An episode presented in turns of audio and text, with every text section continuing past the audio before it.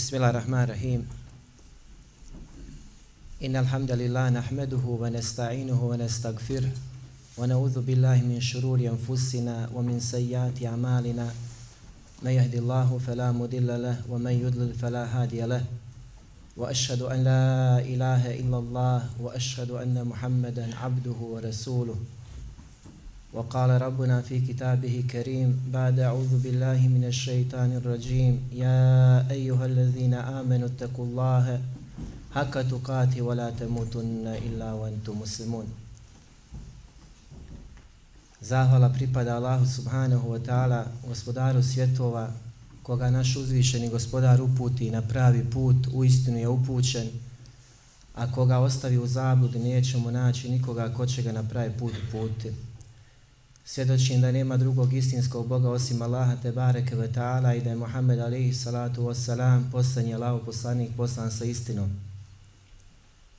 Uzvišeni i plemeniti gospodar kazao je svojoj plemenitoj knjizi o vjernici, bojte se Allaha istinskom bogobojaznošću i ne umirite nikako drugačiji osim kao muslimani.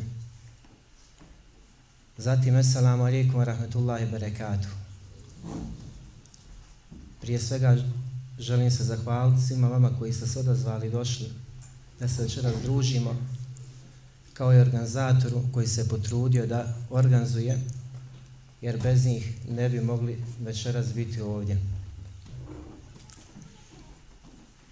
Draga moja braće i cijene sestre, draga omladino, ono o čemu ćemo večeras govoriti je prije svega ono što želim sebi kazati, a zatim i vama. Odakir fe ina zikra tenfaul mu'minin. Allah kaže, a ti opomini, usmjeravaj, ukazuj, zaista će opomena koristi vjernicima. I bez opomene čovjek i bez savjeta ne može ustrajati na pravome putu, niti može izdržati teškoće Dunjaluka, nedaće i probleme koje Dunjaluk nosi. Zato jeste u islamu nešto najvažnije, a to je da su muslimani braća. A kada ima svoga brata, onda znaš da se možeš na njega osloniti, da te može usmjeriti, da te može pomoći, da ti može ukazati. I kad je najteže, da ti može priteći u pomoć.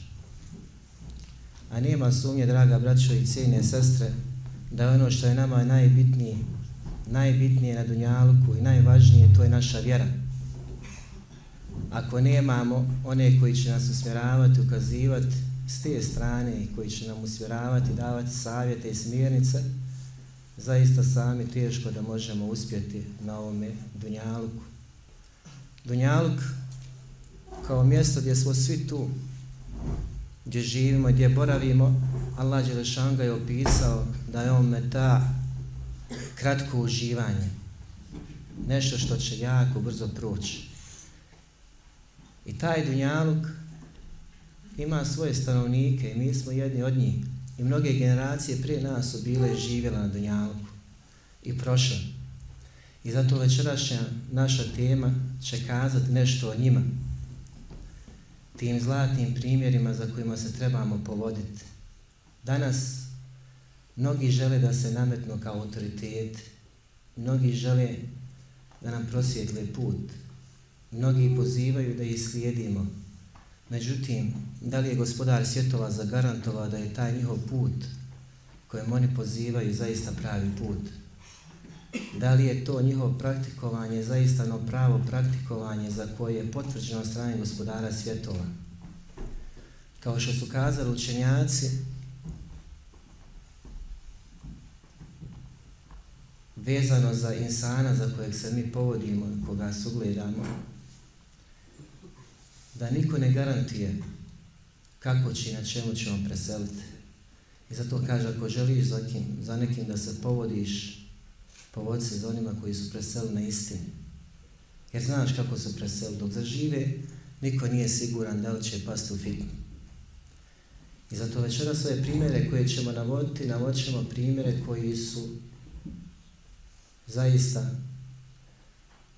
oni za koje gospodar potvrdio su na istini, a s druge strane oni koji su tu istinu posvjedočili na istini preselili.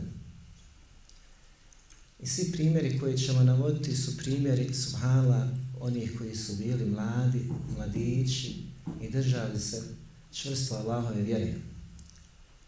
Vidjet ćemo da su živjeli život koji mi danas živimo i da su bili isto tako iskušavani sa raznih strana. I da ove teškoće i nedaće kroz koje mi prolazimo, da su i oni prolazili čak i više.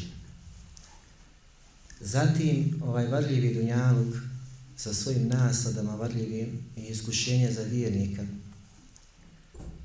I on će nailaziti na probleme i teškoće. Međutim, kada slušamo te primjere, vidjet ćemo da li je ovo danas prihvatljivo i da li je normalno da insan, vjernik koji voli Allah i njegova poslanika sallallahu alihi wasallam krene stazom istine, a zatim i ostavi.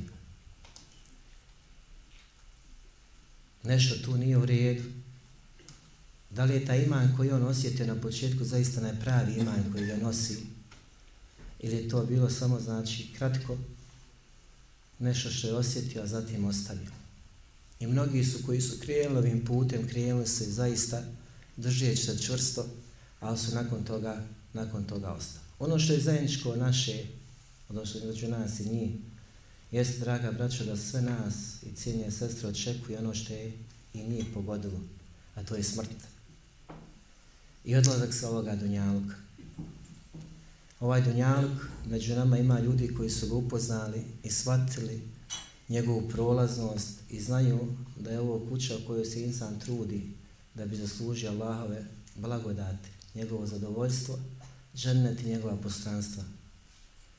Ali ima isto tako oni među nama koji su shvatili dunjalka samo njegovu onu prolaznost koja je pokuđena i zabranjena da bi je čovjek shvatio i za njom se povodio, a to su slijedženje strasti i prohtjeva. I samo tu stranu dunjalka su upoznali. Allah kaže Ja'lemuna zahira min al-hayati dunya wa hum an al-akhirati hum ghafirun. Spoznali su samo veštinu dunjaluka. Subhanallah. Samo su, znači, njegovu veštinu spoznali od života na ovom svijetu. A oni su prema onom svijetu u gafletu i nehaju. Zato insan treba da bude oprijezan, da ne bude od takvih I kada kažemo za Dunjaluk, ne kažemo da Dunjaluk treba ostati, Dunjaluk treba znači imati. Abdurrahman ibn Auf, jedan od ashaba koji je subhanallah bio najbogatiji, za njega je poslanik sa srnom kazao, obećao mu džennet, pa kada je došla do njega ta radosna vijest, pa njegova karavana je došla u Medinu, a Medinu je zadesla nestašica, ne imaša, nisu imali šta. Pa kad su mu kazali do stavnika dženneta, uzeo je sve njih kao svjedoke da je kompletnu tu karavanu podijelio ima lade bareke od dala. Pa zamislite sada bogatstvo insana kada ima koliko je on u tom trenutku znači bio od koristi ne samo sebi nego svim stanovnicima Medine. Ali on nije znao samo za taj dunjaluk u smislu tom, nego je znao da je ono što kod Allaha hajrum wa ebka, da je kod Allaha mnogo bolje i vrednije. I to je ta znači stvar, dunjaluk treba imati, ali ne u srcu, nego u ruci, da bi mogao pomoći i sebi i svoju familiju i porodcu, a isto tako znači i muslimane i sve one koji su ne, nemoćni. Allah kaže kullu nefsin za ikatul maut. Zaista će svaka duša osjeti smrt. Svaka duša koja je na ovom svijetu stvorena, Allah Jelšan će tu dušu uzeti. Uzet će se, osjetit će smrt. Zatim kaže nakon toga وَإِنَّمَا تُوَفَوْنَ أُجُورَكُمْ يَوْمَ الْقِيَامَ Ali ćete vi na sunje danu vaše nagrade dobiti, vaše plaće, za sve što ste učinili, dobro ili zlo.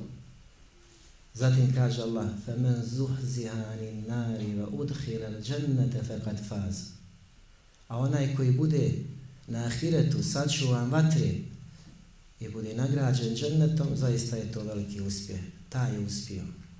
I nakon toga Allah Đelšanu završava pa kaže وَمَا الْحَيَاتُ دُنْيَا إِلَّا مَتَعُ الْغُرُورِ Zaista, život na dunjalku nije ništa drugo do varljivo naslađivanje. To je pojenta. Subhanallah, život na dunjalku imaš, dobio si god Allah te bareke wa ta'ala i bit ćeš odgovoran. sve što budeš činio, sve što budeš radio i neće samo stati na tome da ti dođe Allah pošalje meleka i uzme dušu, nego nakon toga imaš nagradu ili kaznu. A onaj ko bude sačuvan vatre i uđe od žene, to nije uspio. I Allah što kaže, dobro znajte da ovaj dunjaluk ništa drugo nije dovarljiva naslada.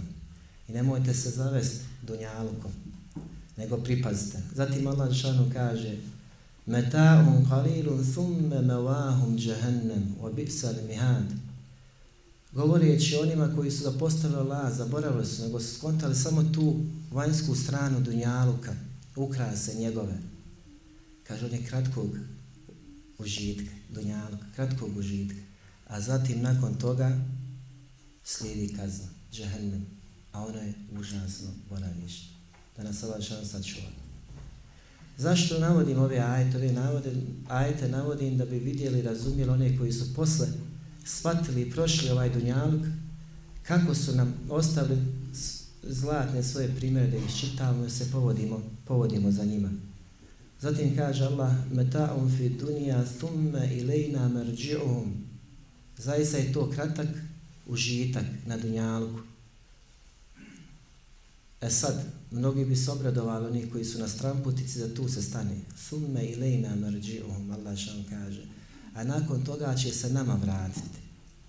Da li opet tu staju samo tim povratkom Allahu Đelešanu? Ne.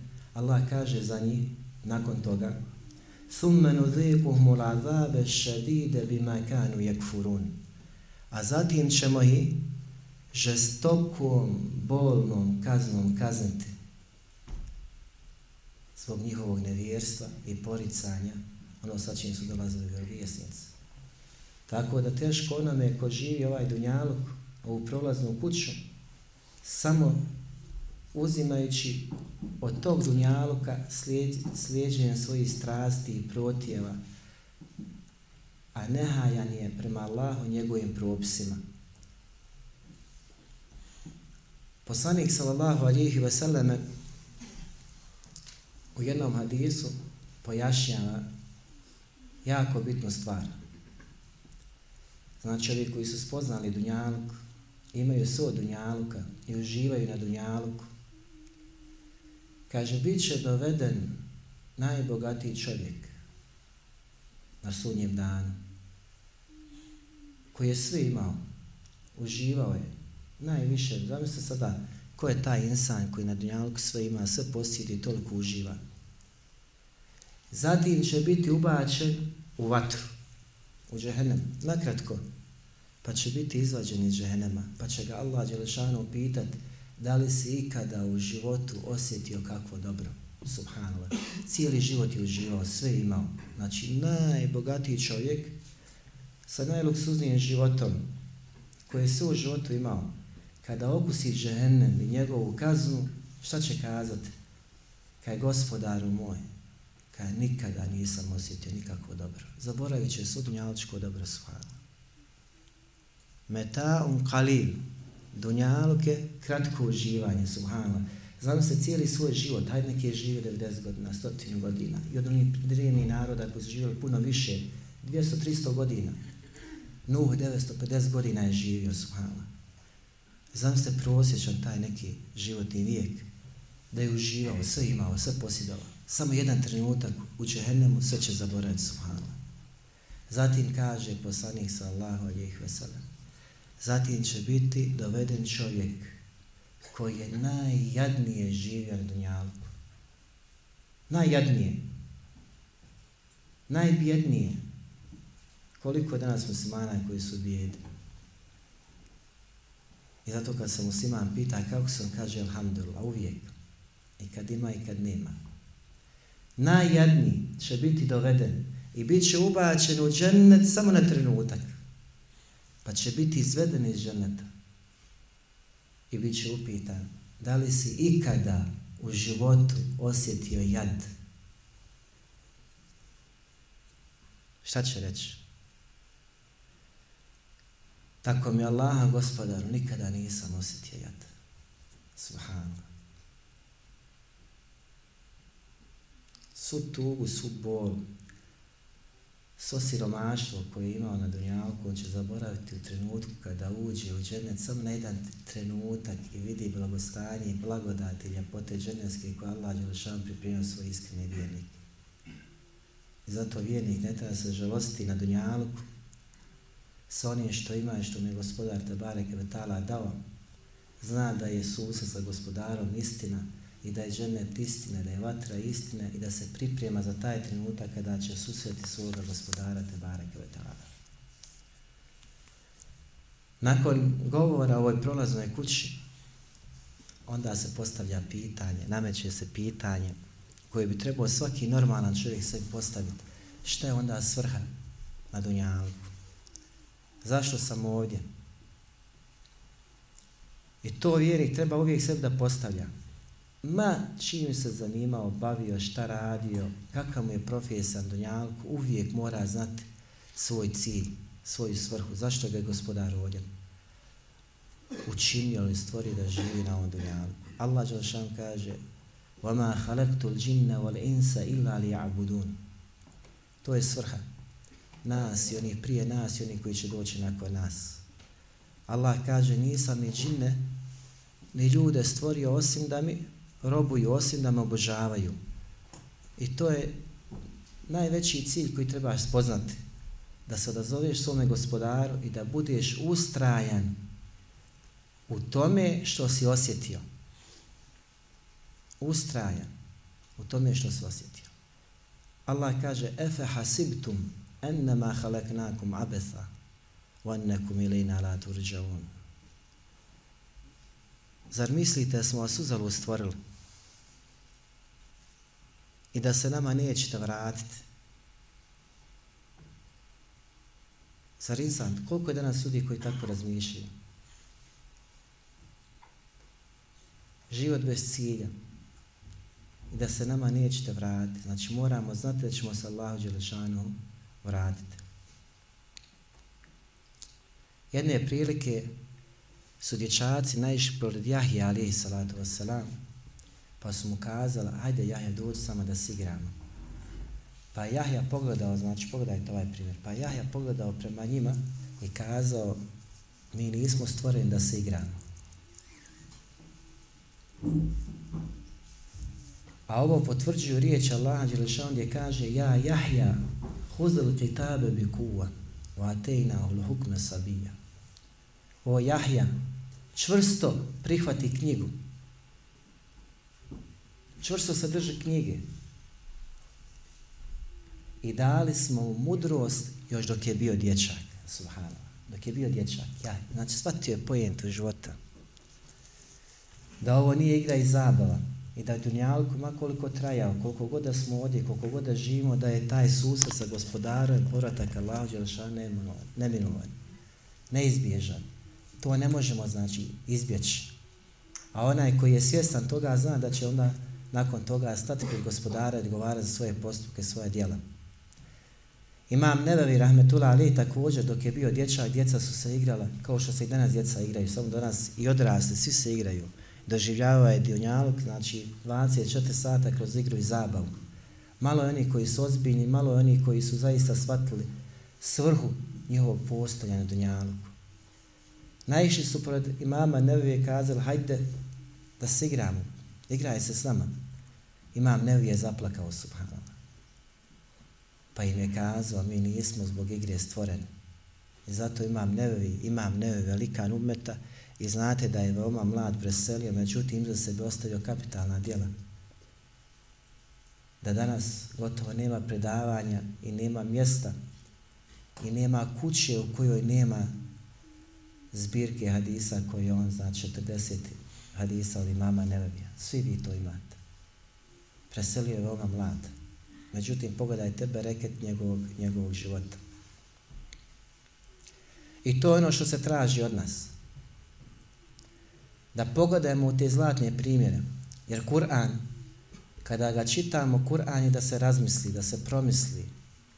I Allah Đelešanu Kur'anu šta spominje? Spominje vjerovjesnik. Oni koji su bili prije nas. Koji su živjeli prije nas. Kojima je data knjiga i mudrost koji su pozivali na najljepši način, koji su spoznali, spoznali gospodara na najljepši način, koji su obožavali Allah Đelšana na najbolji način. Niko nije bolje i ljepše obožavao gospodara od poslanika. A od svih poslanika najbolje, najdostojnije ga obožavao Muhammed a.s.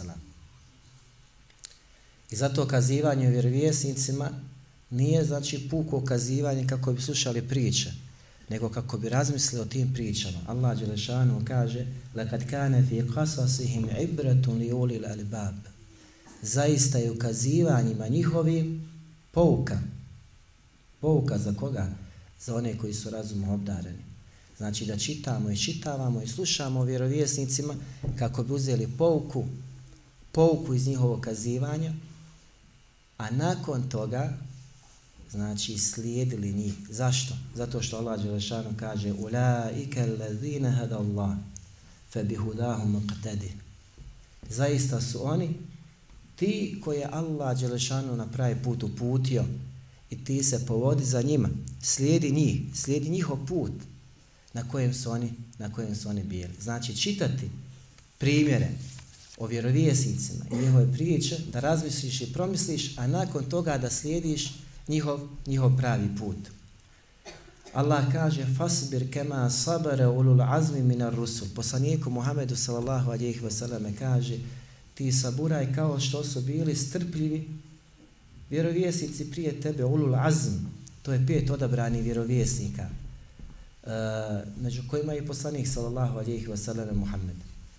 I mi trebamo da saburamo. Zašto? Pogledajte fasbir poslaniku sallallahu alejhi ve Allah šalka kaže budi strpljiv. Što znači da ovaj život kakav pun iskušenja, nedaća, e, na koje ćeš nailaziti i potrebno ti je da budeš strpljiv, strpljiv na, na, tom, na tom putu. Kur'an govori o mnogim poslanicima. Jedan od njih je i Jusuf a.s. Jusuf a.s. je bio mladić. I pogledajte Ibn Abbas što kaže. Ibn Abbas kaže, radi Allahom, svi poslanici, kaže, nijednom poslaniku nije dato poslanstvo da nije bio mladić, niti je jednom mali mu dato znanja da on bije, a da on nije bio mladić. Svi su bilo mladina. Jusuf, ali salatu wasalam, je mladić. Mi ćemo sada samo navesti njihove primjere. Pogledajte njegov život, subhanallah, pun iskušenja, pun nedača, neizvijesnosti. Braća ga žele ubiti. Zatim, bacaju ga u bunar, zatim ga onaj, pronalaze, odvode, živi u nekoj drugoj porodci, odvoje od svojih roditelja, bez njih odgaja se, odrasta, stasava, iskušenja, posle toga djevojka najljepša ga poziva, ostavlja djevojku, nakon djevojke zatvor, nakon zatvora vlast i sve te etape kroz koje je prošao, nijedna nije ucala njega da ostavi vjeru, subhanallah. Sve iskušenja koje je prošao. I neimaština i odricanje, i smrt, i pokušaj ubijstva, sve, sve.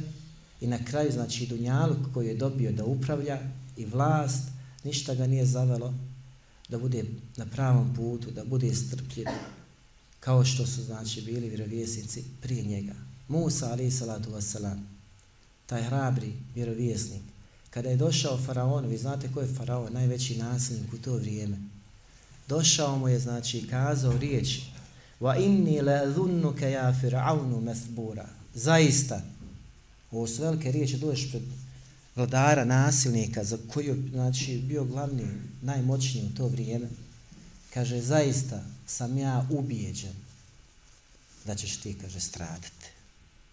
Zamislite ti riječ, doći vladaru, nasilniku i kazati, ja sam ubijeđen da će stradati. A on je to kazao. Bio je hrabar, odvažan. I ti primjeri, znači, i osobine kojima su bili opisani vjerovijesici, mi trebao se povodimo za njima da budemo isto tako hrabri, odvažni na ovom pravom putu, putu istine. Zatim znate za Ibrahima ali salatu wasalam. Šta je Ibrahim uradio kao dječak? Recaj. Šta je učinio Ibrahim ali salam?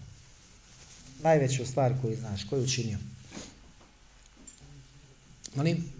Da. Znači on je srušio, srušio i polomio kipove.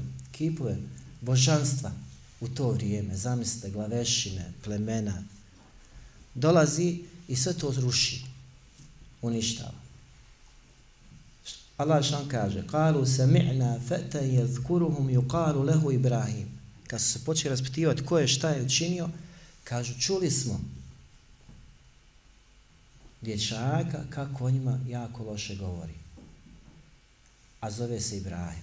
Znači, on bi mogao to da učini. Feten. Allah ga opisuje Feten, dječak, koji je bio hrabar da to učini. Znači, nije se bojao, osim Allaha te bareke, te bareke ve ta'ala.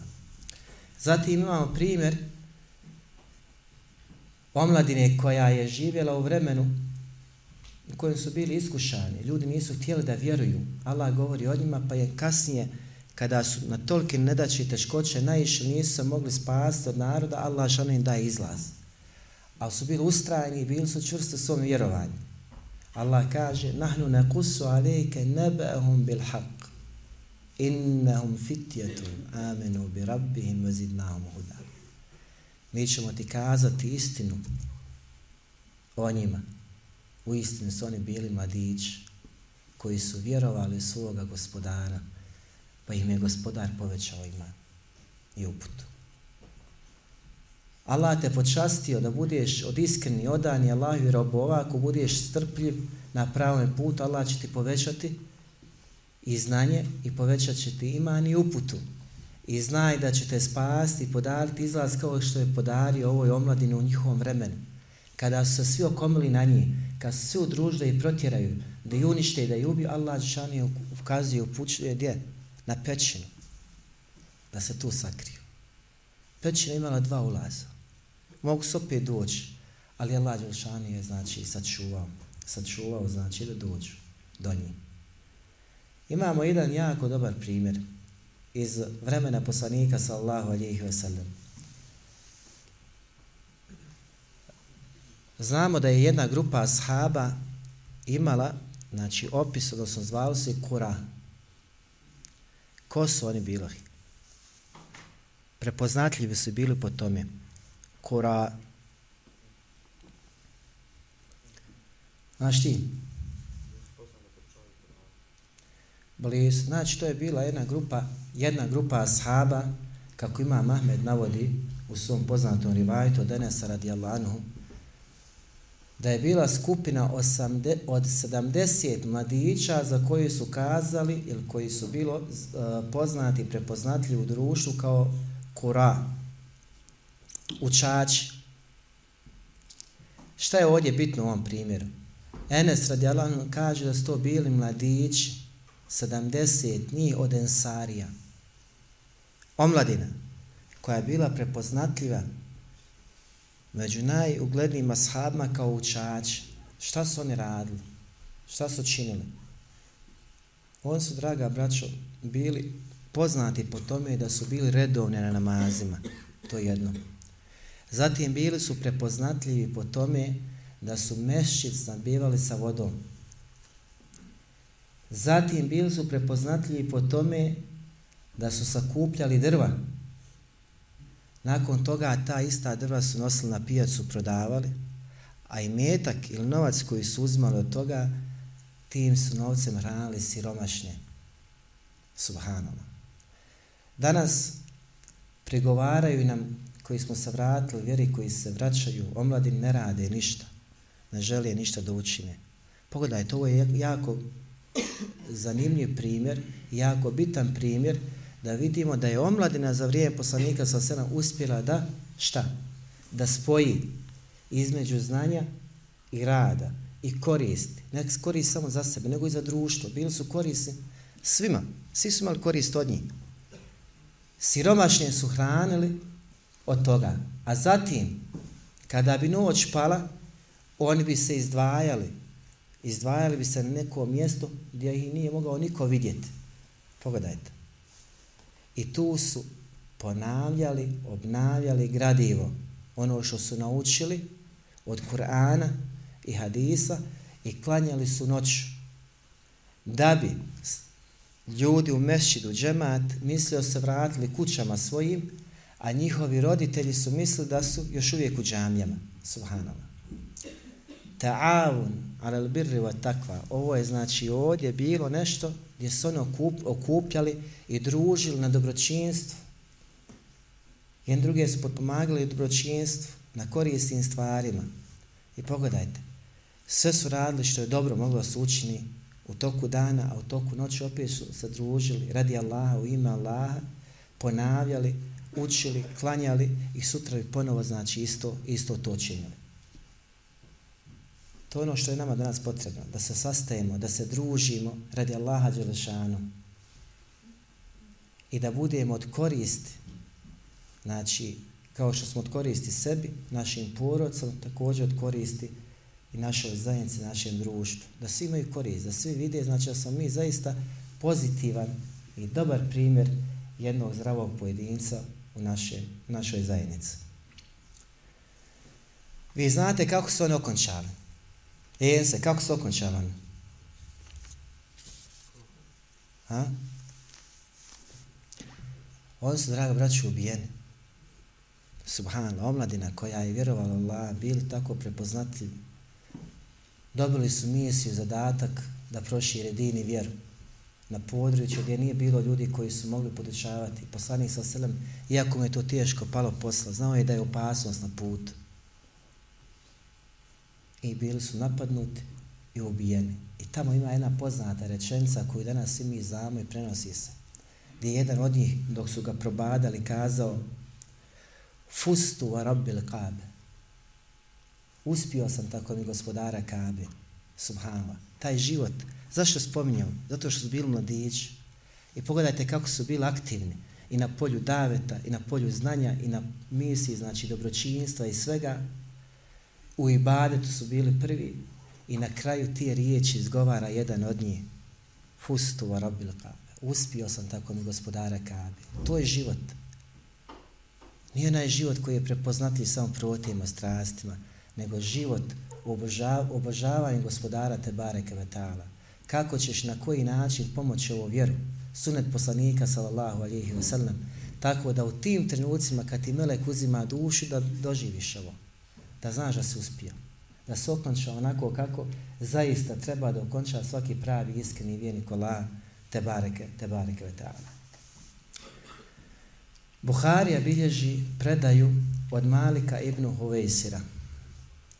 Pogledajte ovaj primjer. Kaže, kao mladići približni godina, nama je opis ovaj bitan, kao mladići približni godina, omladina, došli su kod poslanika sallallahu alihi ve sellem i boravili su kod njega 20 noći da uče od poslanika, da se poduči. I kaže poslanik sallallahu alihi ve sellem je primijetio da smo tu već duži period i onda je iz sažaljenja prema njima, prema porodcima koji su ostalo, pitao koga ste ostali, pa smo pobrojali, kaže koga smo ostavili od naše familije. A kaže, vidjeli smo ga, poslanika, da je bio nježan i milostiv.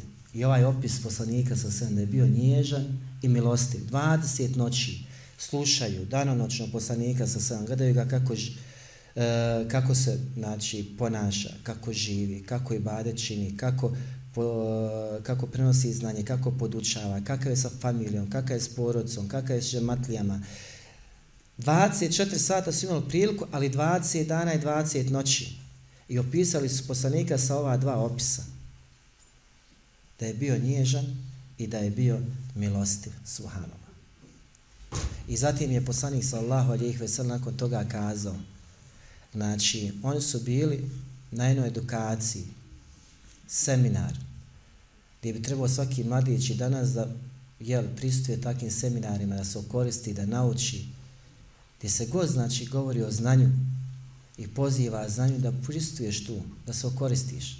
I ne samo da bi koristio sebi, nego pogledajte sad šta poslanik sa sam kazuje. Kaže, vratite se vašim porodicama i podučite ih islamu i podučite ih namazu da klanjaju kao što ste vidjeli meni da klanjam. A kada nastupi namaz, neka jedan od vas prouči ezan, a najstariji među vama neka predvodi namaz. Suhano. Znači 20 noći slušaju i gledaju poslanika sa selem, kakav treba biti mualim, kakav treba biti pozivač u din i vjeru, nježan i blag, milostiv. Zatim, stvar koje naučiš, nakon toga da odma djeluješ, da prenosiš, da nastojiš, da preneseš. Gdje, ovi, gdje su ovi prvo znači, pokušali da prenesu? Ne po ulicama, ne da pozivaš tamo neke desete, nego ideš svojoj porodci, najbližim, njih podučavaš, njima prenosiš ono što si čuo od pozitivnih, pozitivnih stvari. Musa ibn Umeir je bio poslan također u Medinu, jel? prvi daja, prvi misionar. I plodovi njegove dave su nešto fantastično, nešto jako veliko. E sad pogledajte ovaj primjer, a on mi je jako bitan. A to je primjer druge zakljete koja se desla na akabi, druge prisege koja se desla na akabi. Džabir ibn Abdullah, radi Allahom prenosi.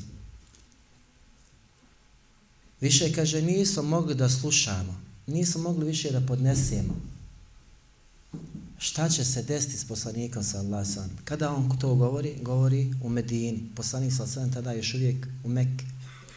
Znači prvi muslimani koji su odazvali Musa bin Umeiru, njima je teško padalo što poslanik Muhammed Ali Islatu Vesam nailazi na poteškoće i teško mu je u Mekke čeka izgon, progon iz svog voljenog jel, grada. Njima to teško pada i oni pokušavaju da skontaju koji bi to bio izlaz za poslanika sallahu alihi veseleme da mu olakšaju. I kaže, odlučili smo na 70, cifra 70, da se zaputimo, da se susretnemo sa poslanikom sallallahu alihi wasallam. Naravno, poslanik sallahu nije mogao javno se s njima susresti jer je bilo opasnost za poslanika i za njih. Pa su oni, pogledajte, opet kao omladina, vidjet ću vas to mladić, razmišljali koji su to trenuci najbolji, pa su vidjeli su dani hađa. Pa su došli u danima hađa i odlučili se susretnu sa poslanikom sa srlem. Poslanik kada je čuo za njih, da su na tom tajnom mjestu, da su okupljeni i da ga čekaju, krenuo prema njima. Međutim, njegov Amidža, Abbas ibn Abdul Talib je kazao, ne možeš sam ići, ja moram s tobom izaći. Ovaj detalj je jako bitan. Kaže, ja ću s tobom izaći. Abbas još uvijek nije bio musliman. Znači, bio je mušrik. Ali je bio taj koji je štitio poslanika sa osalem. Kaže, ja poznajem stavnike Jesriba. Znam ko su i šta su. Želim da vidim ko su ti koji su došli. Pa kada su došli i kada su se približili, I kada su, znači, ugodali te ljude koji su došli iz daleke Medine da vide poslanika sallahu alihi wasallam, Abbas iz toka, brate, ko su, kaže ovo? Kad među njima nema nikoga, kaže, od glavešina poznati. I kaže, svi su mladići, svi su mladi bili. Zašto je on, znači, tako postupio znači, na taj prvi pogled, zato što se je bojao za poslanika. On je štitio poslanika, on želi sad da vidi ko će taj emanet preuzeti. Kada je došao, bio zatečen, bila je sve to omladina. Osjetio da oni nisu sposobni da garantuju život poslaniku, sallahu alaihi sallam. Nisu sposobni da ga zaštite. Pa je zbog toga tako postupio. Kaže, ne vidim nikoga od Eusa i Hazređa, to su dva plemena, ne vidim njihove glavešne. Ko je došao da ti garantuje tamo život? došli, kaže, ljudi koji su nepoznati, omladina. Što danas prigovaraju omladini? Slična stvar. Ali pogledajte, dok je on to tako govorio, oni su kazali poslaniku sa osadom, ka Allahov poslaniće, reci, na šta da ti se zakunemo? Došli su se zakunu, za bilo šta, daju beju, Samo reci. i poslanik sallallahu alejhi ve selleme govori sljedeće stvari. Što bi trebao svaki mladić i djevojka da znaju. Kao i odrasli. Šta je to kada kažeš ešhedu an la ilaha illallah wa ešhedu anna Muhammeden abduhu wa rasuluhu. Šta je islam? Šta islam traži od tebe? Ti mladići koji su došli, došli su vjerujući poslanika sallallahu alejhi ve sellem. I znajući da je Allah poslanik. I došli su da mu daju zakletvu. i bili su spremni prihvatiti bilo šta što će reći poslanik sa osalom. Znači nije tek tako ući islam i kazati ja sam musliman, trebaš biti svjestan šta si prihvatio subhanu. Kaže poslanik sallallahu alihi ve sellem zakunte se da ćete mi se pokoravati u raspoloženju i neraspoloženju. Subhanu. Islam nije šeski sto. Što se svidi to uzmiješ, što se ne svidi to ostaviš. I ti kao mladić moraš to znati. Da se pokoravaš poslaniku sallahu alijih veseleme u svom raspoloženju i svom neraspoloženju. Uvijek da si spreman. To je jedna stvar. Druga stvar. Da će tebe materijalno podpomagati u oskudici i u blagostanju. Danas kad se pozoveš, danas poslanik nije živ, je tako? Salallahu alijih veselam. Ali je njegov sunet živ, prisutan i bit će do sudnjeg i dana. Znači da pomogneš sunet i u oskudici i u blagostanju. Kad se pozoveš da izvodiš marku, pola marke, deset maraka, za projekat koji će pomoći Allahu vjeru, da su uvijek spreman. Ashabi su pomogli vjeru sa prekrištom hurme, jer nisu imali više od toga. Da, koliko su imali. To je istinska vjera koja je ušla u njihova srca. Zato su bili spremni da prihvate ovo, vidjet ćete. I zato je jako bitno. Sljedeća stvar. Zakunte se da ćete pozivati na dobro i odvraćati od zla. Nema da se praviš slijep na nerijed koji se dešava oko tebe. Kada se krši Allahove granice, Allahovi propisi, da te to ne zabrinjava i da nemaš u svom srcu, znači nimalo te vjere koja će bar kazati, a nisam u stanju da rukom uklonim, da jezikom, ali ono usrca ti je teškoća. Allaho poslanik traži od njih da se zakunu da će naređivati na dobro i odvraćati od zla. Da su uvijek spreman da naređuješ na dobro i odvraćaš od zla. Zatim nakon toga da ćete govoriti o Allahu, zakunte se, da ćete govoriti o Allahu nikoga ne bojeći se. Sva. Nema straha od stvorenja. Ovo je din, to je vjera. Iman u Allaha Đelešanu. Nikoga se ne bojiš osim Allaha. I niči hate ne gledaš osim Allaha Đelešanu. I dostavljaš njegovu poslanicu i sunet poslanika sallallahu alihi vseleme bez straha. Šta će se desiti nakon toga? Koliko god da ljudi filozofiraju i da ovu činjenicu akabe iskrenu i da ju upakuju kroz neku mudrost i slično, ne mogu ovo nikada, znači ovu istinu ne mogu upakovati drugačije osim onaka kakva jeste. A zašto? Zato što ćete vidjeti kako je ovo završilo. Kaže i zakunte se da ćete me pomoći kada dođe među vas i da ćete me štititi kao što štitite sebe, vaše žene i vašu djecu. Subhanallah. Ko je spreman? Kaže nakon toga, ako to učini, nagrada mu je džennet. Zamislite nas, da smo tu da je poslanik sallallahu alejhi ve sellem ispred nas i da nam to kaže. Ko je spreman da ovo prihvati? Svi su bili spremni i svi su poletili subhana da daju beju poslaniku sallallahu alejhi ve sellem na vjernost, potpuno sve prihvataju bez pogovora. Međutim, u rivajetu kaže se, tada je Esad ibn Zurara, pogledajte se, Esad ibn Zurara, U rivajetu se kaže šta? Koji je bio najmlađi među nama, subhanallah.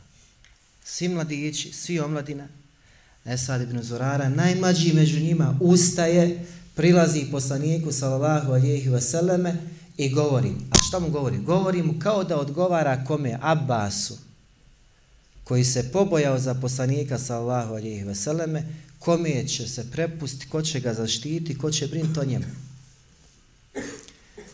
Kad je ugledao, znači, Esad, da su svi ustali, daju beju, kaj polako, stanovnici Jesriba, polako.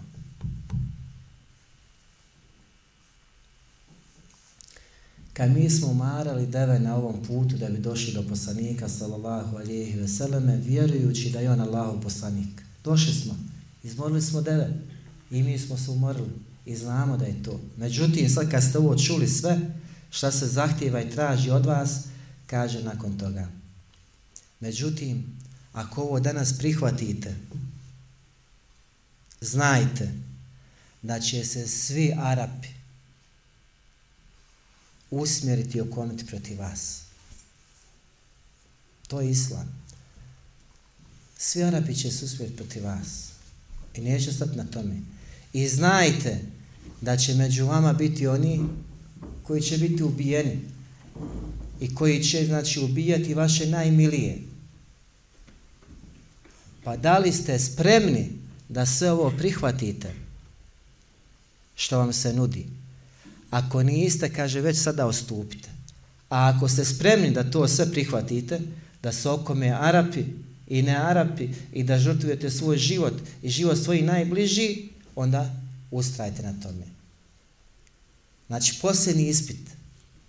Šta su kazali mladići?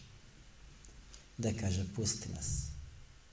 Ne postoji danas prepreka da damo prisegu, kaže, na ovo što traži poslanik sallahu alihi wasallam od nas. Zašto je to tako rečeno? Zato što iman ušao njihova srca, ali pravi istinski iman. I ta iman ne može ništa poljuljati, ne može ništa uzdrmati, ne može se vjera tek tako ostaviti. Svi mladići, najmlađi među njima, ponovo ustaje i traži od njih, odnosno ukazuje na opasnost kada prihvate sve to šta će, šta će se desiti. I znate kako je sve posle toga se dešavalo.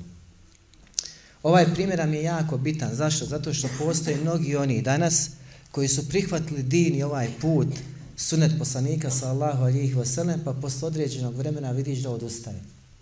Ostavlja ovaj put. Zašto ga ostavlja? Šta su uzroci tome? Znači, nije bio iskren, nije bio jak, nije znao šta prihvata, a ti mora znati šta si prihvatio. I mora znati ako sve ovo sprovediješ u svome životu, da je nagrada koju je poslanik s.a.v. tada obećao, to je omladini džennet. I do dženeta niješ lako doći. To su primjeri koje mi moramo slušati, za kojima se trebamo povoditi i koji nam treba biti uzor u našem životu.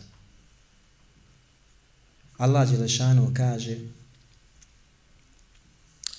Yusabbitu Allahu allazina amanu bil qawli sabiti fil hayati dunya wa fil akhirah zaista će Allah Đelešanu čvrsti one koji vjeruju postojanjom riječu i na dunjalku i na hiretu. yudillu Allahu zalimin. A Allah će na stran putici ostaviti zulumčare. Kreneš ovim putem, iskreno, dostojno, onako kako treba, Allah će to učvrstiti. Počneš nepravdu čin prema sebi, griješenjem, razmišljanjem da ostaviš, Allah će te ostaviti u zabludi. وَيُدِلُ اللَّهُ ظَالِمِينَ zalimin. اللَّهُ مَا يَشَا ma yasha. Allah radi što hoće. I zato oni koji su na istini pravi, pravu vjeru osjetili, oni su na istini preselili. I vidjet ćete primjer koji ću navesti nakon ovoga. Znači, ništa im nije, odnosno ništa ih nije moglo uzrmati u njihovom vjerovanju.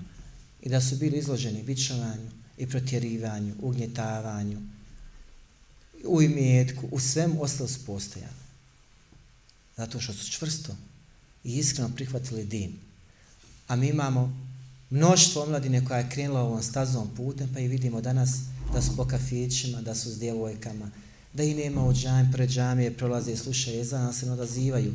Kada ih savjetuješ, pozivaš, više te ne čuju, okreću glavu. Zašto? Zato što su njihova srca okorjela. Allah Đelešanu navodi primjer učenjaka Znači, nemoj da se zanesiješ da si jak u svom vjerovanju. I najučeniji Allah Đelešan šetana znači, pošalje pa i zavede sa pravoga puta. iz Benu Israila je poznat slučaj, Allah što kaže za njeg, وَتْلُ عَلِيهِ نَبَا الَّذِي عَتَيْنَهُ آيَاتِنَا فَنْصَدَحَ مِنَا I kazuo im o primjeru čovjeka koje smo mi dali znanje فَنْصَدَحَ مِنَا Pa je, kaže, ostavio.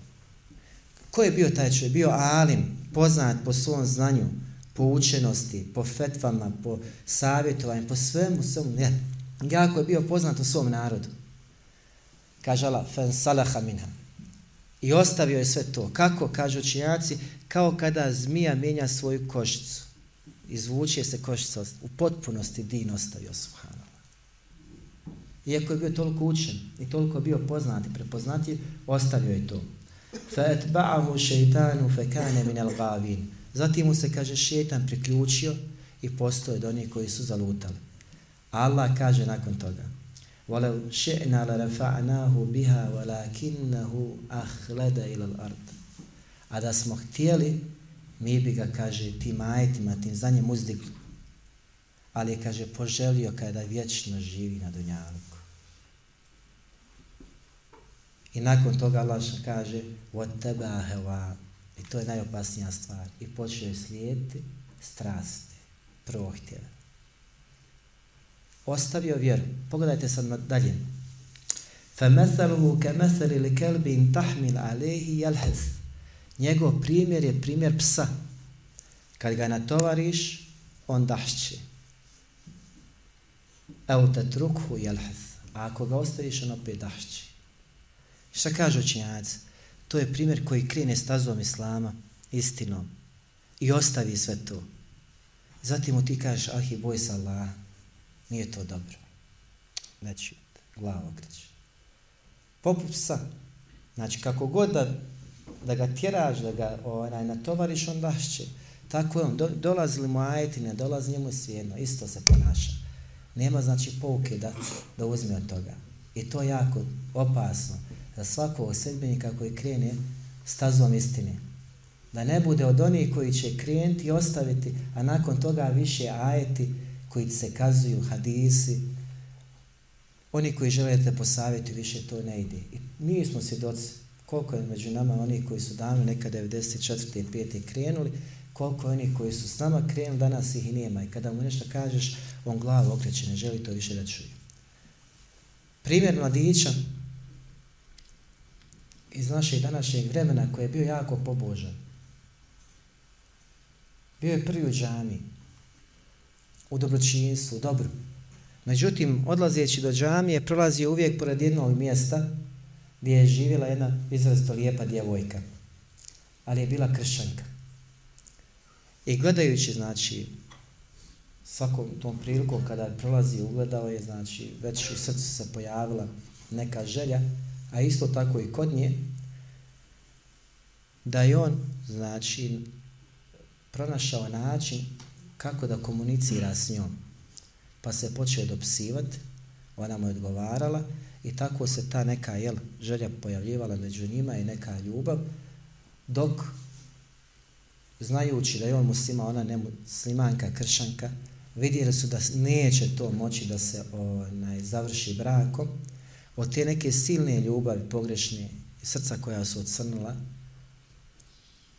momak se je razbolio toliko se teško razbolio, teško mu je to palo da više nije mogao izdržati. Pao je na postelju. Imao je prijatelja jako pobožnog Isana koji je znao za situaciju, pa mu je otišao da ga posavjetuje. Kada mu je došao, kaže mu, sad on prenosi priču, želijeći, kaže, da mu kaže na Allahu rahmet, milost, pokajanje, da Allah prima pokajanje, kako ne bi, ne bi se, kaže, pokajao. Pa sam počeo govoriti o i milosti koliko Allah milostiv, koliko želi da oprosti i voli da oprosti i da voli pokajnika i da su vrata, znači tebe uvijek otvorena. Ja sam, kaže, govorio, a on kaže samo, ali kaže, Ebu Abdella, Ebu Abdella, znaš li ti, kaže, da ja nju volim? Kaže, znam. I vidiš, kaže, da mi je uskraćena ta ljubav na Dunjalku. Kaže, vidim. I kaže, tada sam pomislio da će se on pokajati. E kaže kako mi je uskraćen na dunjalku, ne bi kaže želio da bude uskraćen na hiretu. Pa kaže, kako? Šta će? Ništa mu nije bilo jasno. Kaže, uzimam te za svjedoka da sam ostavio vjeru Muhammeda i da u ovom trenutku, kaže, prihvatam njenu vjeru kako bi skupa bio s njom na ahiretu. Subhanallah. Ovo je isti drač, postepeno znači uzimanje blagodate. E, na početku vi znate da je on bio pobožan, odlazi u džamiju, bio prvi, uvijek bio prvi. Međutim, kad se insan prepusti tim strastima, povede se za strastima, on počinje da stagnira postepeno i šetan ti nikad neće doći kazati ostavi vjeru. Nikada. Nego dolaziti polako, polako, polako i na kraju ostaviš potpunost. Tako i ovaj ovdje. A slučaj bude, znači, još gori od svega toga po pitanju, znači, njega, njegovog stanja. Kaže ovaj koji prenose Eba Abdella, kaže, ja sam mislio da je izgovorio da je nešto buncu u tom trenutku, ali sam ga pogledao, kaže, kad je to izgovorio, da je samo uzdahnuo i, kaže, dušu ispustio. Preselio je, kaže, u tom stanju. I nikom nisam govorio, nisam htio nikom govoriti o tome. Kad prošli su dani, čuo sam da se je djevojka razbolila. Sad se djevojka razbolila kada je čula da je on preselio, žalijeći ga. Toliko da je ona bila na smrtnoj postelji. Kad požurio sam kući kod nje da je obiđem i da je, kaže, pokušam posaviti, od ne bilo primila islam. I kad dolazim, otvaram vrata i kad me ugodala, kaže, Ebo Abdela, ti znaš kad za njega, kad znam, znaš koliko sam ga voljela, znam, znaš koliko sam žela, znam, kad uzimam te za svjedoka da prihvatam vašu vjeru danas, kako bi, kaže, bili skupa na ahiretu. Subhana. I ona primi islam. Kaže, ja sam se izgubio. Kad sam nju čuo, izgovorila je kaže šehadet, kada u tom trenutku je preselila. Subhana. Allah Đelešanu zbog te takve veze je rastavio na dunjaluku i učinio da budu rastavljeni na ahiretu. Iz ovakvih priča čovjek treba uzeti pouku. Da vidi šta želi, šta čini. وَيُدِلُّ اللَّهُ ظَالِمِينَ A na početku ajeta يُثَبِّتُ اللَّهُ الَّذِينَ آمِنُ Ko bude iskren u svom vjerovanju, Allah će go čvrstiti. Ne, on ne može stagnirati, to ne može ostaviti vjeru. Allah će samo u zablu ostaviti zulumčare, zalime koji griješe i koji žele da griješe. Nije će ostaviti u zablu.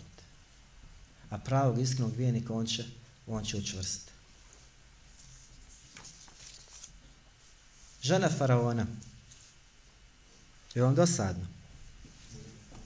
Jesam odužio? Pogledajte ovaj primjer Subhana. Žena faraona, faraon, najveći zalim, zulumčar, koji je tvrdio da je da je gospodar, najveći, Ne samo da je rekao Bog, puno je kroz istoriju koji izgovori ja sam Bog, ja nam uzubila. On je govorio da je najveći Bog. Žena njegova, vjernica, subhanallah, za ibreta. Ali tu ženu Allah Đelešanu nam je naveo kao primjer, znači do sunnjeg dana, za sve vjernike, za sve vjernice, za svu djecu, za sve naraštaje zbog njenog stava, zbog njenog imana, zbog njene izdržljivosti. Kad kažu danas žene, samo pričate o muškarcima, Allah Đelešanu, iznad sedam nebesa, daje primjer čovječanstvu, vjernicima, ženu do sunnjeg dana. Kako treba biti postojan, kako treba biti čvrst, kako biti treba uvjeren, kako se treba osloniti na Allah Đelešanu da će da te pomoći, da će te pomoći kako iskušenjima trebaš se postaviti. Žena koja je imala sve, jel tako? Znam ste žena najmoćnijeg čovjeka koja živi u palači, ima poslugu, ima hranu, ima sve što poželi. Ništa joj nije nedostajalo, sve imala. Sve što je Dunjavu tada posjedo ona imala kod sebe. I dolazi Prije toga ćemo reći ajet. Allah kaže وَضَرَبَ اللَّهُ مَثَنَا لِلَّذِينَ آمَنُوا مْرَأَةَ فِرْعَوْنَ إِذْ قَالَتْ رَبِّ بْنِ لِي عِنْدَكَ بَيْتًا فِي الْجَنَّةِ I Allah navodi primjer vjernicima, ženu faraona, koja je kazala, gospodaru moj, izgradi mi kod sebe kuću u džennetu. وَنَجِّنِي مِنْ فِرْعَوْنَ وَعَمَلِهِ وَنَجِّنِي مِنَ الْقَوْمِ ظَالِمِينَ i sačuvaj me i spasim od faraona, njegovih postupaka i od zulumčara. Primjer. Došla je faraonu i kazala, stala pred njih, pred najvećeg nasilnika. Kaže, ja vjerujem Allah, subhana. A on se obradovao, kaže, u mene, ja sam Bog. Kaj ne, ja kaže, vjerujemo Allaha, mog gospodara i tvoga gospodara, gospodara svih nebesa, gospodara Musa i Haruna. Zamislite, pred najvećeg nasilnika, žena nejak, znači slabašno biće, pogledajte postajanosti da dođe i kaže tako, jasno, da kaže o koga vjeruje. I on kad je vidio da nas zaista to tvrdi,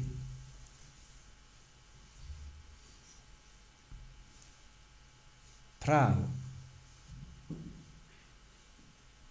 I dalje je ustrala, kaže, u mene vjeruješ? Ne, kaže, vjeruje moga gospodara, tvoga gospodara, gospodara svih svjetova, gospodara Musa i Haruna. Opet udaranje. Opet ona ponovo ponovi. Zatim naredi da se okuje. Sad zamislite, poniženja. Izvodite iz te palače. Jer ti svi bili na usluzi. Gledali šta ćeš kazati. Ni, ni, ni, gotovo ko ono u dženetu. Poželiš pa imaš, tako. Poniženje ugnjetavanje, tlačenje, udaranje. Sve živo, znači, prolaze u tim sekundama, u tim minutama. Ali ponavlja, moj gospodar, tvoj gospodar Allah. Nema ništa, to je to. Šta god da mu radiš, nebitno je. Izvodi se u pustinju, sunce, vreo pijesak, sunce jako, jel, temperatura visoka, okiva se tu, bez hrane i bez pića. Znam se, sve ima, sad nema kap vodi da popije. Iskušavan, radi Allah i radi svoje vjere, ostaje ponovo ustrajna.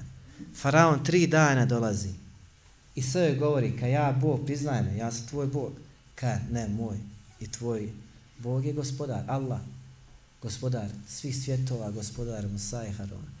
Ostavi je ponovo da je muče, da je bičuju, da je kažnjavaju na suncu, bez hrane, bez vode. Sljedeći dan, sljedeći dan ista priča, sljedeći tri dana, tri dana. I onda naredi da se donese veliki kamen. I zove se tim velikim kamenom da se baci ili na glavu, na tijelo. Šta se posle toga dešava?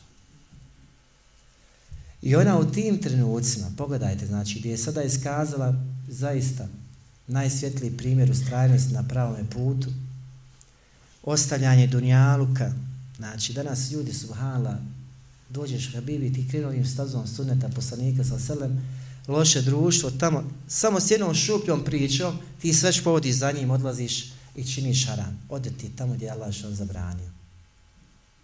Subhana, kakvo je tvoje iskušenje s prvog iskušenja? kakva je naša vjera, subhana, na njihove vjere. Tek sad vidimo kakve su razlike između našeg vjerovanja i njihovog vjerovanja. Sve im se uzelo. On, danas mi pravimo kompromis za svaku stvar. Može ovako. Može, ajde, ima tamo neki stav, neko mišlje, neko je dao neku olakšicu. Nema Habibi, ovakvi primjer trebaju ti biti primjer u životu. Primjeri poslanika, vjerovijesnika,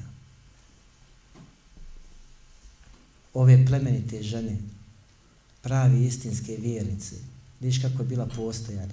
Šta god da te zadesi na dunjalu, dunjalu bude i prođa, ali se vraćaš Allah u vječnoj kući Ona u tom trenutku, znači gotovo, pogledajte, jel, osjećaš neko poniženje, kraj, stradala je, gubi, gubitnik u našim očima, u očima ljudi koji ne vide, znači, suštinu.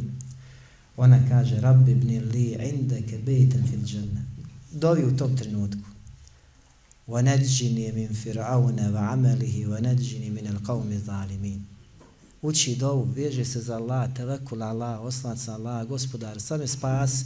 I ne da me spasiš, nego daj mi kuću kod sebe u džennetu. Ja sve ovo ostavim, dunjavu, krasko, sve ovo što imam, ali znam da je tamo daleko bolje i ljepše kod tebe, gospodar. I kažu, kad su krenuli taj kamen da spusti, da baci na nju, Allah šan je uzeo dušu. Spasio, prije nek što osjetila teškoću udara to kamen. Allah je spasio, nagradio i dao primjer svim svjetovima do sunje dana da se uči primjer o toj vjernici njenu istrajnost na pravom, na pravom putu. Svi znate za primjer Jasrove porodice. Otac, sin i majka. To je staza, to je put kojim su koračali oni prije nas, prihvatili din i vjeru poslanika sallahu alihi wasallam. Bili su kažnjavani, bili su mučeni radi Allah Đelšanu, pa su ubili znači i oca i majku, ostao je sin. Ali oni nisu popustili, nego poslanik sa sve prođe pored njih i kaže saburajte porodicu Jasrova. Zaista vam je konačno odredište džennet. Saburaj. Znači, kod nas danas se hoćemo nešto pre, ono, jel, preko reda, da dođemo do nekih stvari. Ovaj put je znači trnovit put i traži od nas sabur, ustrajnost i strpljivost. Ne može se rešavati znači drugačije osim saburom. Oni prije nas su saburali, pogledajte, znači iskušenja su bila, oni su saburali. I Jasrova porodca isto tako, poslanik i savjeti na tom i onda im obećava šta? Džennet. I zato kaže Allah Đelešanu, وَجَزَاهُمْ بِمَا صَبَرُوا جَنَّةً وَحَرِيرًا govori u globalu za sve stavnike dženneta i nagradio ih je džennetom zašto? zbog onoga što su saburali znači zbog sabora njihovog nagradio je džennetom i svilom dženeskom. što znači da su oni opisani ti stavnici dženneta da su bili strpljivi na ovome svijetu meleci kada ih budu začekivali u džennet šta će reći? selamun alikum bima sabertum fa ni'ma ukbed dar. Neki mir Allahu na vas zbog onoga zbog čega ste bili strpljivi imate najljepše prebivalište. Uživajte nakon toga. Bima sabertum zbog onog što ste u proteklim danima saburali. Dunjaluk je sabur. I nema bez sabura, bez sabura dženeta. Allah kaže, ja, ejuha ladhina amenu sbiru, wa sabiru, wa rabitu, vattaku Allahi la'alakum tuflihun. O vjernice, budite strpljivi i izdržljivi i ustrajni, na Allahim granicama bdite. I bojte se Allaha ako mislite da uspijete. To su savjeti gospodara Tebare Kvetala. Izdržljivost, strpljivost, bogobojaznost, da bi zaista na kraju dobio ono što je obećano stanovnicima dženeta. Habab ibn Ert je jedan od ashaba koji ima 18 godina, kojeg su mušici kažnjavali živog na vatru, stavljali zbog vjere i dina, ali nije ostavio vjeru. I zadnji primjer koji ćemo navesti u Bebi Nadi, radi Elanu, plemen tasa poslanika sa selem kojeg su zarobili nakon bitke na Uhudu, htjeli su osvijeti poslaniku da ga što više muče i kažnjavaju. I u tim trenucima dok su ga kažnjavali, pogledajte, kao što danas radi neprijatelj Islama, odmah ti daju pont. Malo te, jel? Uzdrmaju kazne, onda ka, ko što danas radi, čim te malo pritvore, daju neku pondu. Dogovor se. Kažu, da li bi ti sada bio zadovoljan da si kući kod svoje porodce sa svojom ženom i djecom, a da je na tvojom mjestu Muhammed Ali s.a.v. Znači, ako pristaneš, gotovo poljuljanje iman, vjerovanje, postoje naš ostavio vjeru. Kaže on, tako mi Allah, kaže, ne bi volio da trn u ovom trenutku ubode poslanika u njegovoj kući. Znači, za to se ne bi znači zalagao, samo trn da ga ubodi, da bi ja bio sačuvan sa, sa ovoga mjesta. To je bila silna ljubav prema poslaniku sa osam, prema vjeri, da su davali prednost Allahu njegovom poslaniku sa osam na svim svojim stvarima, da su bili ustrajni, pa je zato Allah šan učinio kerame tom ashabu, pa kaže, nakon svega toga, kaj gospodaru moj, ja nisam u mogućnost, niti vidim priliku i mogućnost da poselam poslanika. Pogledaj, znači, za nje riječ, za nje želje, kad bi ti došao trenutak uzimanja duše, šta bi ti poželio subhana? On znači u tom trenutku, zašto mu je srce bilo vezan za poslanika, ali sa sa ka Allah, Allah dragi, ja ne vidim način, mogućnost za poselavim poslanika sa selem, pa te molim da ti prineseš moj selam poslanik. Poslanik, ali sa selam, on u Mekke, on u Medin, sjedi sa shabme kaže, neke na tebe selam i milost Allahova i bereket, o Hubejbe. I kaže ashaba, zaista je sada Hubejb ubijen. Subhano. To je ta bila prava istinska ljubav koja treba da krasi svakog vjernika, da zna smisao i svrhu svog postojanja, da zna da je povratak Allahu Đelešanu, da zna da mora biti ustrajan, da ne smije se poljuljati, ne smije dozvoliti da ga dunjaluk i njegovi ukras zavedu, ma šta činio, ma šta radio, ma kakvom se profesijom bavio na dunjalku. Molim Allah da nas učini pravim iskrenim vjernicima sa kojima on te barek vetala zadovoljno doprosti nama našim roditeljima i svim muslimanima. Subhanak Allahumma hamdika, šadan la ilaha ilaha, enta stakve tubu lik.